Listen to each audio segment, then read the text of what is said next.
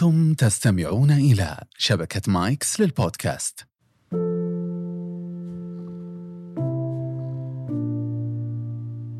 يقول كمن يقول عندما تتصارع الفيلة العشب وحده من يموت. لم يتخيل أن العشب يرغب في الحياة إلى هذا الحد.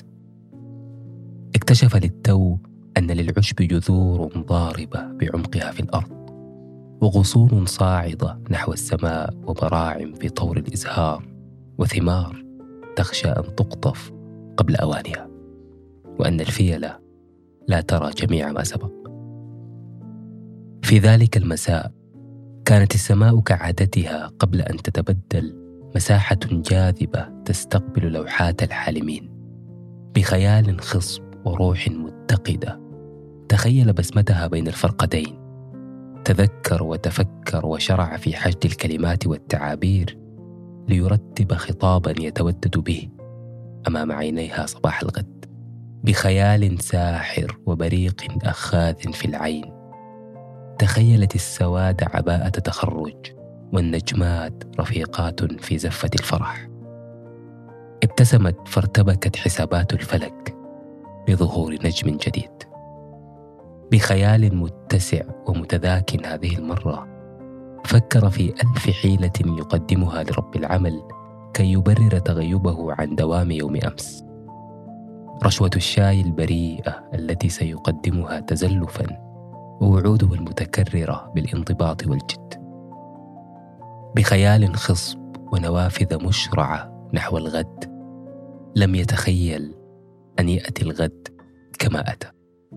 أن يأتي الخوف بهذا القدر من النسيان أن تدعوك الحياة للارتجال بهذه القسوة أن يفرغ جراب الأمنيات إلا من النجاة أن ترتبك حسابات الفلك مرة أخرى بفعل القذائف المضيئة والشهب التي لا تملك أمامها سوى أمنية واحدة.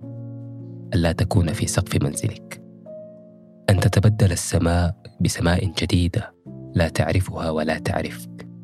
تتنكر لك كأن لم يكن بينك وبينها سابق عهد أو صلة. أنا محمد عبد الرحمن أستغل ازدحام الناس وتشابه ملامحي مع الكثيرين للتردد على الأماكن باستمرار دون أن يلحظني أحد. أزور المقاهي وأمشط الشوارع وأستغل المواصلات العامة فأصطاد عن دون قصد أفكارا ما من حديث عابر أو تصرف عفوي. لتكون عناوين وموضوعات أتناولها معكم في بودكاست أزرق. أفكار لم تلقى حظها من الانتباه وتفاصيل صغيرة ربما تختلف نظرتنا إليها مع كل حلقة. المهم والمهم جدا للأمانة أنه ربما تستمع لحلقة ذات مرة وتكون أنت صاحب الفكرة في الأساس.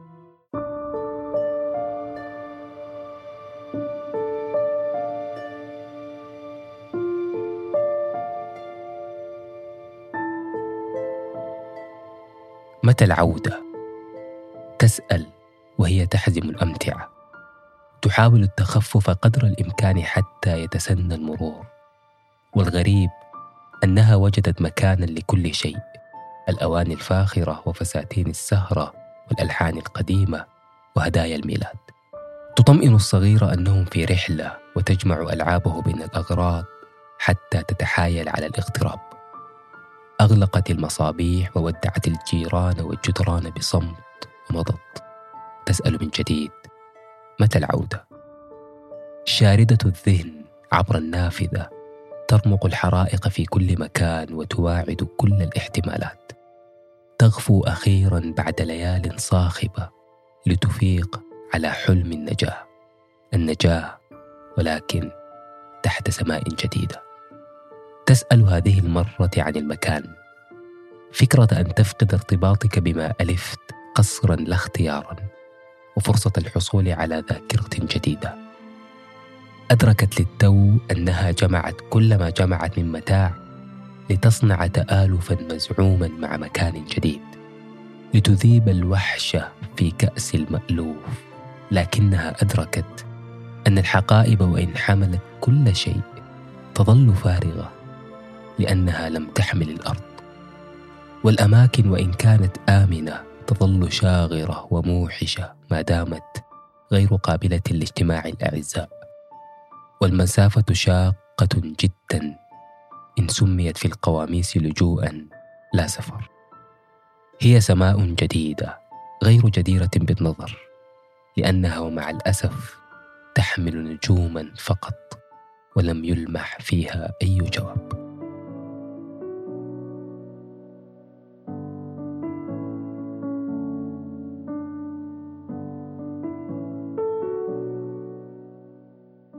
أقول نستطيع.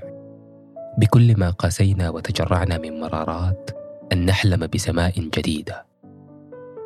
ترتبك فيها حسابات الفلك هذه المرة لبزوغ نجم جديد يبرق بالأمل.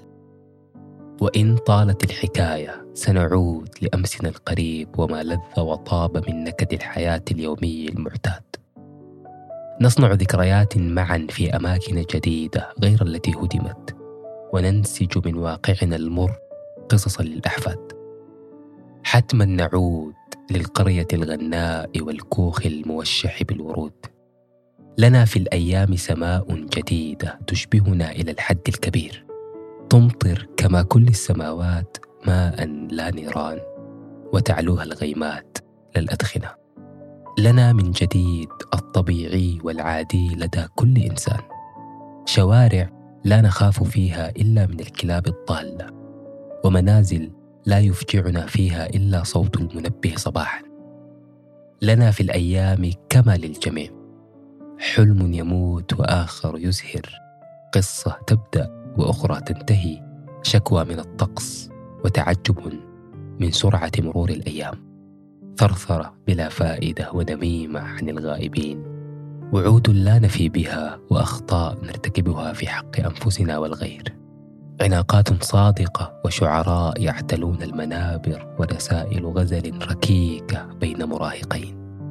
زحام عند إشارات المرور وبائع يسجل على كراسة الديون وصبية يتشاجرون بعد مباراة كرة قدم.